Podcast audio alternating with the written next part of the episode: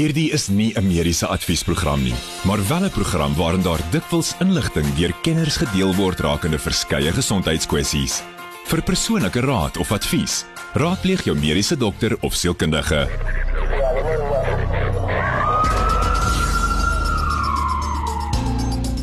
Baie welkom is bykans 8 minute oor 8 op hierdie Woensdag aan klein Saterdag. Ek is Pieter Kloete saam met Dr. Jaco van die kerk soos altyd. Dankie Jaco dat jy is. Goeienaand Pieter, goeienaand almal wat luister. En ons het 'n lekker propvol program vir vanaand vir ons gesels onder andere 'n bietjie oor radiografie, tegnologie en mammogramme, né nee, Jaco? Ja, Pieter, Oktober is ons borskanker bewusmakingsmaand en ek dink dis 'n baie belangrike ding om oor te gesels. Ehm um, daar's baie vrese en baie miskonsepsies en wanpersepsies daar buite en ek dink dis 'n goeie ding om oor te gesels en dit uit die weg uit te ruim. En ons gesels ook um, sommer vroeg in die program sommer nou met uh, Marita ehm um, Marita Rademeier, sy is 'n kliniese sielkundige. Goeienaand Marita. Goeienaand Pieter, Jaco en luisteraars. Uh dankie vir jou tyd vanaand Marita. Ehm um, ons gesels so net so van die begin van die program so net so 'n bietjie vir inleiding. Ehm um, daar's vandag en môre 'n Africa Child Trauma Conference wat gehou word met 'n hele paar sprekers. Hoekom is dit belangrik om oor hierdie onderwerp 'n konferensie te hou, ehm um, Marita? Ek dink dit is ons kinders in Afrika word uitgebuit en mishandel en ook verwaarloos op 'n skaal wat nêrens anders in die wêreld gesien word nie. In Suid-Afrika byvoorbeeld sou een uit drie kinders seksueel uitgebuit word vir die ouderdom van 17 en seuns net soveel as dogters. Sure. So ons het 'n epidemie van uitbuiting van kinders eintlik op alle vlakke en as 'n mens armoede en deprivasie in die wet in die mix ingooi en dan nog die boonste van COVID en die ekonomiese implikasies en die die um, die geestesgesondheidsimplikasies daarvan dan het die mense regtig 'n bevolking van van jong mense wat in nood is. En die groot vraag wat eintlik maar gevra gaan word uh, gedurende die konferensie is why are we as Africans still turning a blind eye to child abuse and neglect holding no one accountable? En ek dink dat COVID-19 net weer vir ons self hierdie ehm um, op die lappe gebring het weet van weet gender based violence natuurlik ook ehm um, abuse van kinders gedurende inperking nie waar nie? Absoluut. Dit het dit ons het met die ehm um, met die met die inperkingstyd in in na dit vreeslike verslag gekry van kinders wat baie mishandel is en of gryslike goed mee gedoen is. Byvoorbeeld 'n seentjie wat eh, vir 'n straf deur sy pa in 'n ou yskas toegemaak is. As gevolg van jy weet dit dit kan ek tot 'n kind se dood lei. Um, as gevolg van die die spanning waaronder ouers verkeer. Um, mense se nood hulle vrese oor hulle toekoms oor hulle finansiële oorlewing. En kinders wat die hele dag by die huis is se ouers het nie time out nie. Hulle moet probeer om geld te maak en kinderversorging waar te neem um, die seksuele uitbuiting van kinders uh, wat op die aanlyn omgewing het ook vreeslik toegeneem. Ons sien nou kinders wat aan pornografie blootgestel is soos nog nooit tevore nie. Sure. En terselfdertyd is die dienste wat vir kinders beskikbaar is al minder. Ek weet wel ons byvoorbeeld van tevore DNA toets kon doen om 'n verkragter te trek. Is die laboratoriums nou besig met ehm um, COVID toetse. So op alle vlakke is die die uitbuiting van kinders meer en die dienste vir kinders is net al minder. En die, ons bekommernis is nie net oor wat heidaglik vir ons kinders gebeur nie, maar wat die langer termyn, medium en langtermyn implikasies is vir jong mense wat nou baie kinders wat nou 'n jaar akademies verloor, kinders wat uit skool uit nou val omdat hulle nie meer met akademiese druk kan byhou nie. So die implikasies is vir ons kursus in terme van akademie, hoe hulle vorentoe uh, inkomste gaan genereer, hulle geestesgesondheid wat van hulle sosiaal word, um, gesinne wat verbrokkel onder die druk van van ekonomie en onsekerheid en pessimisme. So ons konferensie kyk werklik na intervensies wat kan werk. Nie net wat mooi op papier lyk nie, maar hoe elke Suid-Afrikaner en elke uh Afrika, jy weet, 'n inwoner wat werklik kan optree om 'n verskil te maak want ons het ons het baie groot planne en ons het 'n klomp dinge wat op papier is maar om dit te vertaal in intervensies wat vir kinders werk is vir ons groot uitdaging. Ja, net van my kant af, um, ek is betrokke in noodmedisyne en en en trauma en ons sien baie kinders wat wat dan nou mishandel word. En selfs in ons opset waar ek in die medisynebedryf is, is dit baie keer moeilik om dit aan te meld. Daar's daar's daar's regtig waar baie wil sê obstacles of hindernisse om om regtig hierdie kinders by te staan en en en en en te help, jy weet. En ek weet dit is dit is 'n wet om om jy weet kindermishandeling aan te meld. Maar dit is baie moeilik vir my in 'n in 'n mediese oogpunt of vanuit 'n mediese oogpunt uit. Hoe gaan um julle maak dat die die samelewing bewus raak en en en kontak besonderhede hê um van waar hulle kindermishandeling kan aanmeld. Want baie keer kom daai kinders nooit by ons eers uit nie jy weet hulle hulle word so mishandel maar dit bly maar by die huise die bure sien dit. Um hoe gaan daai mense want dit is regtig moeilik ek dink is regtig moeilik deesdae. Ek dink ja dis ja raak 'n baie belangrike punt. Selfs selfs voor uh die inperkingstyd en voor en voor Covid is dit verskriklik moeilik vir mense om kinderbeskermingsdienste hmm. te kry om kinders effektief by te staan. Jy weet ons kyk byvoorbeeld na die ehm um, departement van die Department of Social Development wat noodnommers het en mense kan hulle e-mail en jy kan hulle bel tot jy weet jy vingers moeg getik is ja. en jy gaan nie noodwendige respons kry nie. So alhoewel daar mense is wat hulle vingers tot op die been werk vir kinders, hmm. jy weet in in in die vervolgingsgesag en die polisie en in mediese terreine is daar ongelukkig baie meer mense wat nie hulle werk doen nie. Ehm um, wat eintlik nie omgee nie.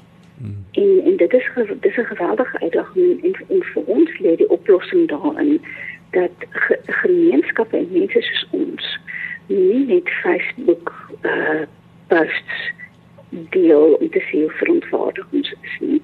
Dit help ook nie ons gooi net afspreeke om nie ons moet daadwerklik optree vir ons om ons nie net ons eie kinders te beskerm nie, maar vir mekaar se kinders te uit te kyk en ook om almal wat getaak is om kinders te beskerm tot verantwoordelikheid te roep.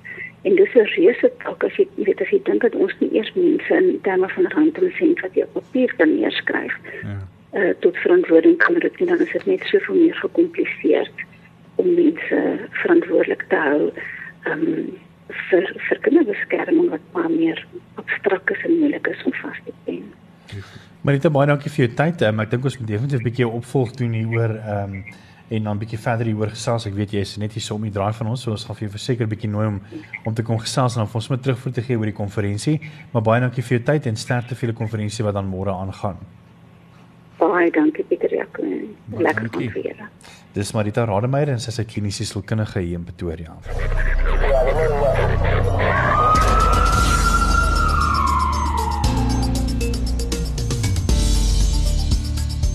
Baie welkom by Finansie Groot Trauma. Ek is Pieter Kloete. Ons het in die eerste segment 'n bietjie gesels oor 'n uh, child uh, trauma konferensie wat uh, deur UNICEF en 'n paar ander rolspelers gehou word.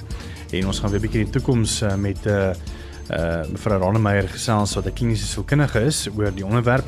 En nou fokus ons bietjie Oktober is natuurlik die maand van kankerbewusmaking en ek dink ons wil 'n bietjie fokus op weer op um uh op vroue weet borskanker en mammogramme.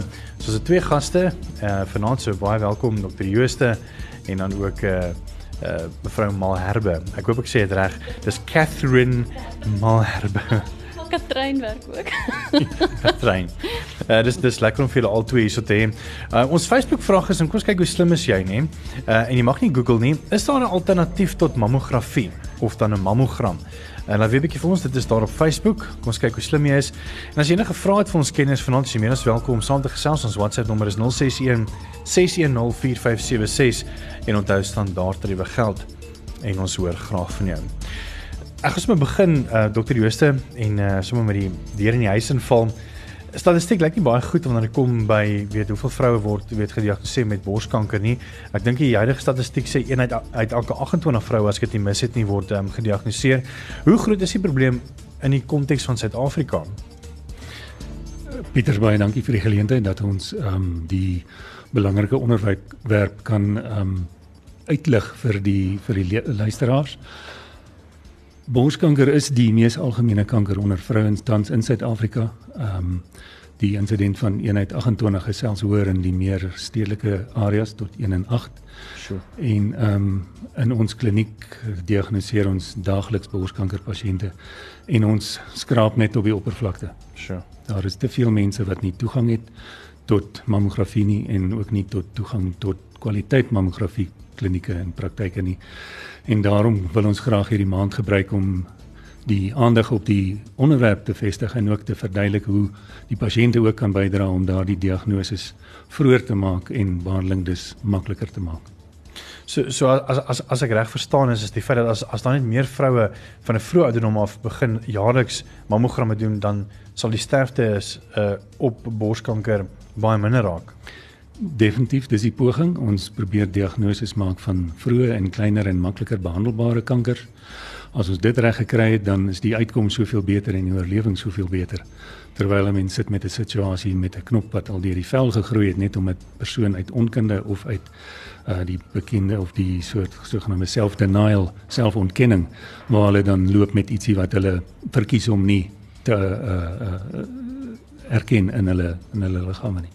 En daai pasiënte kan omtrent nie gehelp word nie. Sure, dis net baie jammer. Hmm. En eintlik is dit so maklik, nee, Jaco. ja, ek dink daar's geen sin in hoekom jy nie daarvoor moet gaan nie. Ehm um, dis glad nie my veld nie, maar aan die einde van die dag dit wat wat ek ook nog op universiteit geleer het, het hulle vir ons gesê 'n mammogram kry hierdie kankers baie lank voordat die vrou dit met 'n manuele ondersoek gaan kry. Jy weet, manuele ondersoek is net so goed soos die vingers wat dit doen, dink ek. Hmm. En ehm um, ek dink baie van ons is glad nie geoefen daarin nie. Hmm. Selfs ons wat in die medisynebedryf is, is dis nie iets wat ons elke dag doen, ons almal nie. En ek dink 'n mens kry eers 'n baie later stadium van kanker en en hulle moet my nou reg help. Ehm um, as wat 'n mens dit op mammogram gaan optel. En as jy eers wag totdat daar velverandering of retraksie of jy weet afskeidings en goeters is, dan is dit eintlik al 'n laat stadium kanker wat wat dan 'n slegte uitkoms het. Hmm. Ja, dit word dan nou weer ehm um, die uitkoms word dan geaffekteer deur al die ander effekte wat 'n mens het vir behandeling, anderswoorde die bestraling of die onkologie deel met die chemoterapie en al die ander ehm um, behandelingsaspekte wat meer van 'n uh ongemak by die pasiënte sou verskaf omdat almal weet bestraling mag dalk vir jou sulke effekte hê en chemoterapie sou jou nou siek maak en so.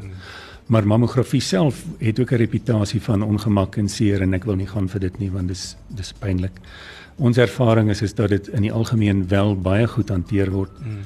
Ehm um, ons weet dat seerborste wat partykeer fisiologies seer kan wees wel 'n ongemaklike mammogram tot gevolg gaan hê, maar die waarde van die beelding is soveel meer. Hmm. En ehm um, die gerusstelling wat hulle kan kry na die ondersoek om te weet maar ek is okay. Hmm en ehm um, daai daai knop of die wat sy ook al gehad het is nie so ernstig soos wat sy gedink het nie want gelukkig is alle knoppe in die kankers nie. Hmm. En baie mense is is negatief oor mammogramme ook omdat hulle bang is vir bestraling. Jy weet dit is nou 'n 'n ou storie al. Ehm um, wat is regtig die die gevaar daaraan? Hmm. Ek dink die dosis wat gebruik word by mammografie is al lankal as veilig beskryf. Hmm. Um, ek is lief om die storie te vertel van dat jy dieselfde blootstelling, bestralingsblootstelling kry as wat jy sou kry as jy wel in die goeie ou dae kan vlieg van hier tot in Londen. Ons doen dit nie meer so gereeld nie, maar dis dieselfde tipe bestraling en jy kry nie dat die lugwaardinne met loodjasse rondloop en versigtig is vir wat land blootgestel word en so nie. So die dosis is is laag, die dosis selfs ehm um, die kommer partykeer oor die tiroïed wat mag blootgestel word aan straling is ook uh, weglaatbaar in die lig van hoe die mammogram gedoen is. Ek dink die eintlike vrees vir bestraling lê meer by die terapeutiese bestraling wat 'n uh, uh, heeltemal 'n ander proses is, maar ook veilig bedryf word en in die regte omstandighede en en in die regte toestande nie skade aan die borsweefsel sou maak nie, maar net die borsweefsel beskerm teen herhalings en op die manier dan die kanse vir oorlewing soveel verbeter. En dan die die ideale ouderdom vir 'n vrou om te begin, 35 ja. tot 40 of Ja, ehm um, ja, ons kyk na 40 vir die gewone ehm um, risikopasiënte. Ehm um, as daar 'n sterk familiegeskiedenis sal ons al basislyn mammogram probeer aanbeveel op 35. Hmm. Ons kan selfs vroeër as dit begin as die pasiënt se familiegeskiedenis so sterk is dat die ma in, in hulle 30 te gehad het. Ons kan tot 10 jaar voor die ma se diagnose in die familiegeskiedenis al begin met 'n mammogram. Maar dit sal dan nie elke jaar gebeur nie. Dis basies die eerste mammogram, die uitleg mammogram om te kyk wat aan die gang is. En in gevalle waar ons weet dat mammografie 'n lae diagnostiese uh beeld uh kwaliteit het in digte weefsel in jong mense het mens MRI en sonar om by te voeg aan die proses om daardie inligting te kry wat nodig is. Ja, dis my volgende vraag gewees. Jong meisies se borsweefsel is dig, so die hmm. en en die die plek van van ander beeldingsmodaliteite in daai in daai jong vrouens. Want daar's ja. baie vrouens wat 20 is en en bekommerd is of wat 'n knop hmm. het mm. en jy moet vir hulle antwoord kan gee. Ja. En gelukkig ehm um, dis waar die sonar inkom. Hmm. Ehm um, dis 'n baie uh effektiewe en 'n baie um, bekostigbare ondersoek om om inligting te win wat dan sal help om om daai onsekerheid oor veranderinge in die borste die aan te spreek dat die pasiënt dan kan weet maar dit is net 'n cyst of dis net 'n fibroadenoom en dis iets wat 'n mens nie hoef bekommerd oor te wees nie. En sou julle nou 'n kanker kry, eh, gebruik julle dieselfde tegniek om daai kanker te gaan merk as dit nog klein is vir die chirurg hmm. om te gaan uitsny? Ja, weet jy Jaco, die eerste pogings wat ons altyd altyd aanwend is om histologiese diagnose te kry. Ons gebruik ons beelding, het sy 'n mammogram met stereotaxe of 'n sonar om daardie weefsel te bekom. Hmm. En ehm um, terselfdertyd sal 'n mens dan daai selfde tegnieke toepas in die lokalisasieprosesse voor chirurgie. Sonar het ook 'n groot rol te speel in die opvolg van kankers wat uh behandel word wat ons nieuw noem nieuw adjuvante hmm. chemoterapie met ander woorde terwyl die kanker nog in die liggaam is behandel ons hom en uh wat finaal dan die die reaksie van die tumor op die chemoterapie kan beoordeel voordat enigsins verwyder word. So dit is 'n baie nuttige rol wat ons as diagnostiese radioloog het om te speel in die hantering van kanker. Bly gesakel net nog ons 'n bietjie gesels oor van die mites en ons gaan 'n bietjie later kyk na hoe tegnologie 'n rol speel um, in mammogramme en en hoe lyk die toekoms vir mammografie en radiografie. So bly ons skakel daarvoor en as jy enige vrae het 0616104576 onthou standaard tariewe geld en ons het ook 'n Facebook vraag ons kyk hoe slim is jy. Maar ek wil weet is daar 'n alternatief tot mammografie of 'n mammogram? Ons hoor graag van jou op ons Facebook uh, bladsy en ons kyk net hierna weer verder bly geskakel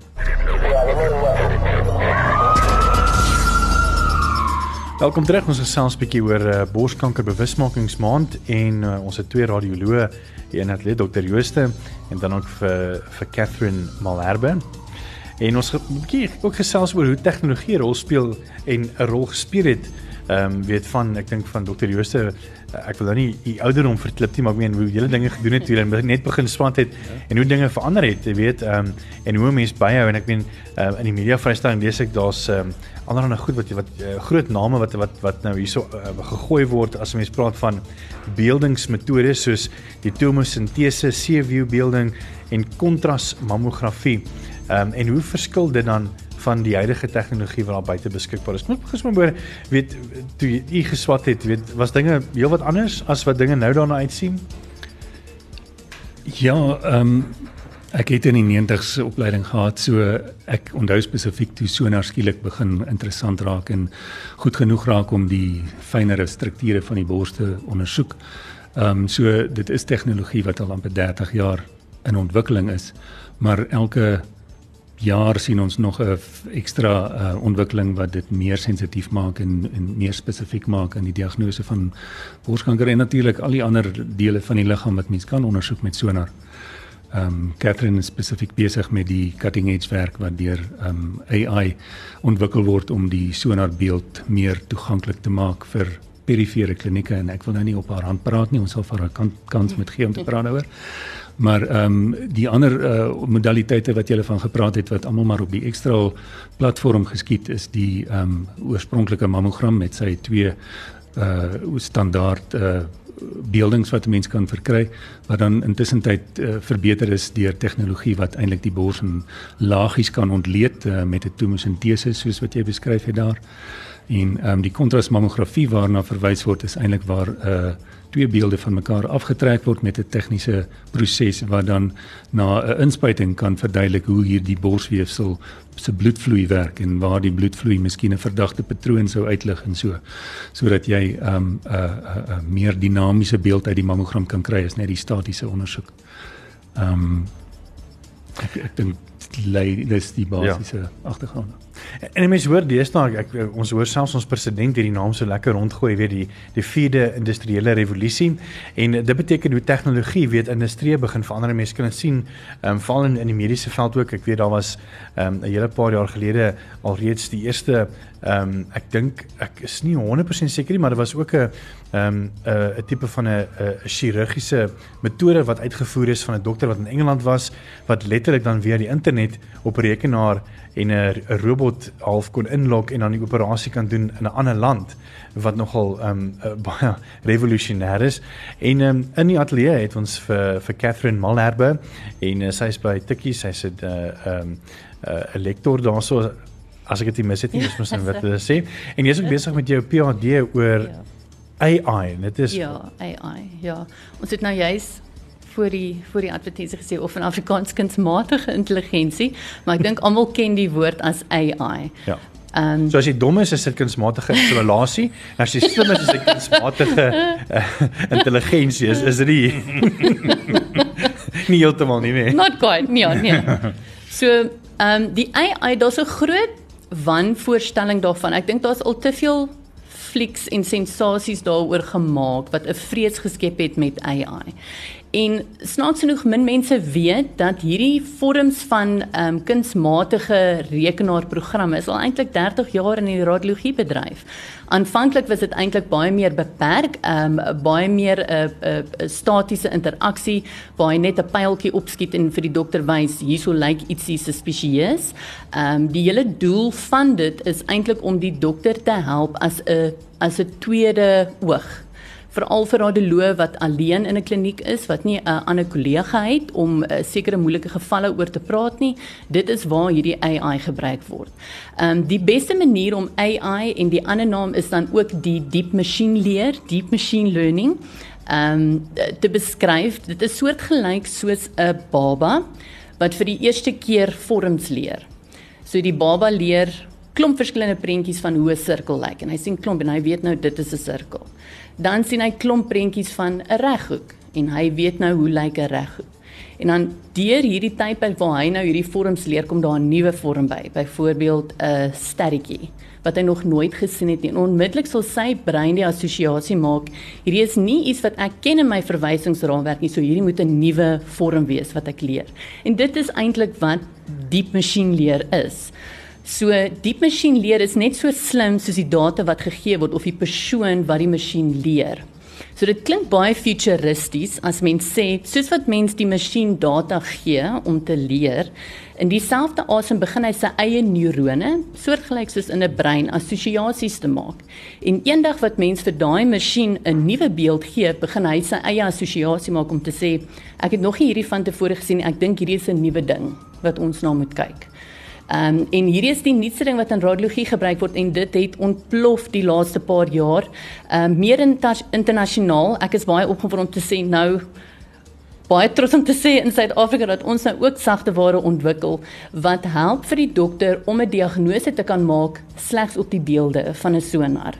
Veral soos wat dokter Jose gesê het in die periferie klinieke, daar is nie 'n infrastruktuur vir mammografie om 'n diagnose te doen by die klinieke nie met hierdie tipe AI-sisteme wat nie internet kort nie, is letterlik 'n boks, 'n black box wat neergesit word en hy kan 'n diagnose maak om die pasiënte 'n vinnige omkeer te gee om by 'n chirurg uit te kom. Hmm. En dit is een van die maniere hoe mens die prognose en ook die mortaliteit uh uh syfers gaan afbring. Hmm. Ja. Baie mense gaan vra ja, maar hoe akkuraat is hierdie ding nou want dit is so, nie 'n mens nie presies is wat ek sê, dis so akkuraat soos die data wat gegee is. So wat baie belangrik is, daar is baie foefies in die mark en die probleem daarmee is baie van die ingenieurs wat in die veld werk, maak mediese produkte en hulle het nie die kliniese ondervinding nie. So die belangrikste ding is vir 'n 'n produk om te werk is om spesialiste in die veld te hê. So ons het byvoorbeeld spesialiste van Oshee, Prof Carol and Ben. Hulle is deel van ons kliniese adviseergroep wat seker maak dat die data wat ons gebruik is reg en wel korrek wat ons vir die masjien leer. So ons probeer nie die masjien in 'n hoek druk en vir hom sê jy moet nou hierdie antwoord gee nie. Ons ehm um, laat dit toe om 'n organiese manier die data te kan verifieer. Ehm um, ons akkuraatheid is op 91%. Meeste van die studies wys dat met AI kan die dokter se akkuraatheid tot 5 tot 10% meer akkuraat wees. Veral daai klein kankertjies, die wat baie subtiel is wat geneig is om gemis word, die AI help om daai op te tel. Dis wat my nogal so baie opgewonde maak oor oor hierdie hele tegnologiese uh, verandering en en hoe mense um, gaan ek meen as mense kyk na hierdie uh wearables wat 'n mens deesdae dra. Ek sien die nuutste wat nou um onlangs bekend gestel is, uh 'n diorlosie wat nou letterlik vir jou kan sê hy doen 'n EKG. Um hy doen ook nou jou jou jou suurstof bloedvlak. Um en wie weet wat die wat die toekoms hou in die toekoms weet. En ek dink wat wat hierdie wat mense baie misgis is is dat ja, dis lekker om te kan sien wat is jou heart rate en wat is jou EKG. Maar ek dink wat mense vergeet is die belangrikheid van die data wat hier kom. Ek meen as 2 miljoen mense 'n horlosie dra en sekere ritmes word aangeleer en opgestuur na die cloud toe, kan 'n uh, deep machine learning al begin amper 'n tipe van 'n um, 'n database skep van wat moontlik kan en hiersoos iets wat miskien ook uitlyk of so iets wat dan eintlik die die diagnose van 'n masjien af letterlik amper soos ek dink 0.0001% uh van nie akkuraatheid kan skep nie. So ons 'n bietjie net hier na 'n bietjie verder gesels. Um, ons uh, WhatsApp, ag ons uh, Facebook vraag is as jy wil saamgesels, is daar 'n alternatief tot mammografie? Ons hoor gou vinnig by jou, moenie Google nie. Ehm um, laat weet 'n bietjie vir ons daarso op Facebook en ons is net hier na weer terug.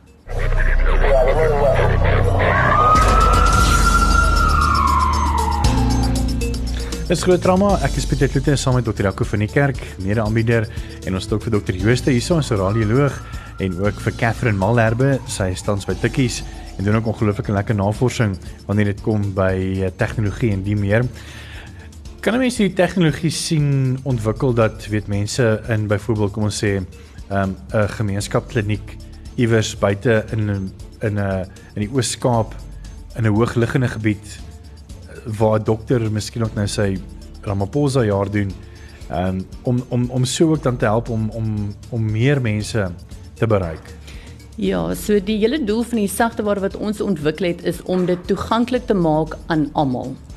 Ehm um, so die produk wat ons ontwikkel is letterlik 'n swart boksie wat in 'n kliniek kan staan. Hy kort nie internet nie van meeste van hulle het nie die infrastruktuur van internet nie.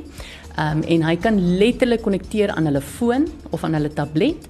Ehm um, en die data van die sonars wat hulle neem, ons ontwikkel ook 'n uh soos 'n wireless hands-free sonar probe. So mense is bekend met die sonar masjiene is gewoonlik hierdie groot bonkige masjiene wat rondgestoot word, maar daar is baie produkte wat nou in die mark kom wat baie goeie resolusie en ons sê baie goeie kwaliteit uh bied van sonarbeelde, maar hy's letterlik so groot soos jou foon en hy sonder enige drade, hy konnekteer sonder enige drade en dit kan jy by die klinieke gebruik word. Um ons wil dan opleiding aanmoedig um van die wat werk in die veld in die kliniek um, om dan die uh, sonars te kan doen en hierdie boksie is dan uiteraard hulle dokter in 'n boks wat kan help met 'n diagnose en die hoop is dat hulle dan vroeër uit kan kom by chirurgiese intervensie.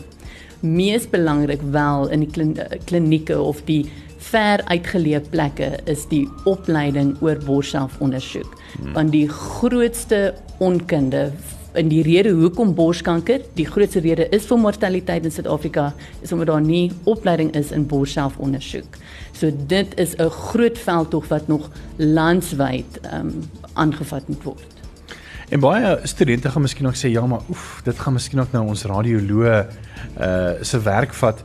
Maar tog nie as mens kyk na byvoorbeeld kom ons vat nou maar hierdie hierdie ehm um, ehm um, plekke wat wat wat wat weg is van die groot sentras is, weet wat baie keer net een keer 'n maand 'n radioloog ehm um, kry, kan hierdie deep machine learning stelsel alreeds dan letterlik dan as as hy inkom een keer 'n maand kan hy dan sommer alreeds al die vroue wat deur die dokter gescan is, ehm um, se reports sien en dan die wat dan geflag is uh, vir hoë risiko kan dan net weer opvolg afsprake gemaak word nie waar nie. Ja. So so 'n radioloog hoef dan nie elke dag daar te wees nie. Presies dit. Ehm um, en dan die gevalle wat gemerk word as hoë risiko of wat ehm um, gemerk word as 'n tipe kanker kan dan gaan vir die formele intervensie van biopsies of stereotakse. Natuurlik, dit vervang nie die natuurlike proses van diagnose nie. Histologie word gekort om die eintlike terapie te kan doen, maar die hoop is dat ons dan 'n vinniger omkeer kan hê van hierdie pasiënte want tans in Suid-Afrika dames in ver uitgeleë plekke wag tot 2 maande vir 'n diagnose en chirurgiese intervensie. Soms tot 6 maande. En mense kan dink as 'n kanker reeds opgetel word in 'n laer of 'n later ehm um, uh, stadium. stadium beteken dit oor 6 maande hoe dan nie meer nie. Ehm um, so dit sal hooplik kan help om daai syfers af te bring en die prognose te verbeter. Hoe lank sien jy dit uh, as as ons nou kyk na 'n tydlyn wanneer hierdie oor Suid-Afrika reg geïmplementeer kan word? So ons hoop of ons ehm um, teorie van verandering soos ons dit noem is dat oor die volgende 5 jaar as beide pasiënte opgelei word oor borsselfondersoek en as hierdie sisteme meer uh, vatbaar is of meer bereikbaar is vir alle um, alle areas in Suid-Afrika kan hierdie gevalle eintlik afgaan by 20 wat dit oor 5 jaar? 2025 yes. my wiskunde val my nou. Nie wiskunde nie. 2025 kan ons die gevalle laat daal. Dis letterlik om die draai. Dis letterlik om ja. die draai. Dis nogal baie goed. Ja. uh Catherine Malherbe sy is 'n lektor by Universiteit Pretoria en doen ook al PhD jy's in artificial intelligence en ook hierdie nuwe tegnologie. Uh, Dr Eugene Jooste net gevinnig ehm um, wat verhoog jou kans op borskanker te ontwikkel so in 3 minute Pieter, ja, dis 'n dis eintlik 'n kanker antwoord daai. Ek dink lewenstyl is is ons grootste probleem. Veral as mense gemaklik 'n lewenstyl het waar jy uh, miskien sou ongesond eet of te veel verfynde kosse inneem en miskien 'n 'n rookgewoonte aangeleer het of selfs 'n 'n verhoogde inname van alkohol het, sit jy met 'n 'n lewenstyl wat jou meer vatbaar of 'n hoër risiko het vir borskanker. Borskanker self het ook 'n genetiese komponent waar jy moet uh jy jy kan nie jou familie kies nie, maar jy sit met 'n situasie waar jy um met 'n ma wat borskanker gehad het, is jou risiko hoër. As daar meer as 2 nabye familielede is, is die risiko tot 2 2.5 maal hoër as normaal. En um daai faktore is is is iets wat dan die bewustheid aan die pasiënt moet oorgedra word dat sy weet sy het 'n verantwoordelikheid om gereeld te gaan vir haar ondersoeke. Ehm um, borskanker is 'n is 'n toestand wat van so jonk soos in uitsonderlike gevalle uh, Catherine het ons vertel van 'n 10-jarige seun wat borskanker gehad het. Onthou dat mans ook borskanker kan kry. Borskanker is gewoonlik in mans so 1 in 'n 100 diagnoses van vroulike borskankers. So ehm um, in ons praktyk by Groenkloof sien ons gewoonlik so 3 of 4 uh, eh, manlike borskankers per jaar. Ehm um, en die mans moet ook deur die proses gaan van mammografie. Ons sal altyd dit opvolg met 'n met 'n sonar. So groot is hulle oë as hulle daar instap tussen die dames en besef hulle moet nou hulle self ook blootstel aan die tegnologie. Ja. En uh gelukkig verbaas is hulle as dit nie so ongemaklik is as wat hulle verwag het nie. Ehm um, gelukkig is meeste van die gevalle meer 'n ginekomastie beeld ginekomastie ginekomastie in mans is is, is dikwels 'n fisiologiese toestand waar borste ontwikkel as gevolg van 'n hormoonwanbalans of 'n lewerfunksie inkorting of 'n medisonale oorsaak soos onder andere hoë bloeddrukmedisyne wat dit kan uitlok en dis baie algemeen in ouer mans. Ehm um, maar ons sien dit ook in jong mans uh, uh, uh wat daar voorkom en ehm um, gewoonlik kan 'n mens by die diagnose die oorsaak soek en dit uh, met opvolg dan net daar los, maar chirurgie is baie keer selfs nodig om dit te behandel. So wees baie dankie vir vir almal se tyd vanaand. Ehm um, Dr. Jooste het nog 'n sy laaste punt. O nee. Ek sê 3 minute. Ja, dit was nie 3 nie. nee, dit was 'n bietjie meer as 3 maar ons bietjie weet.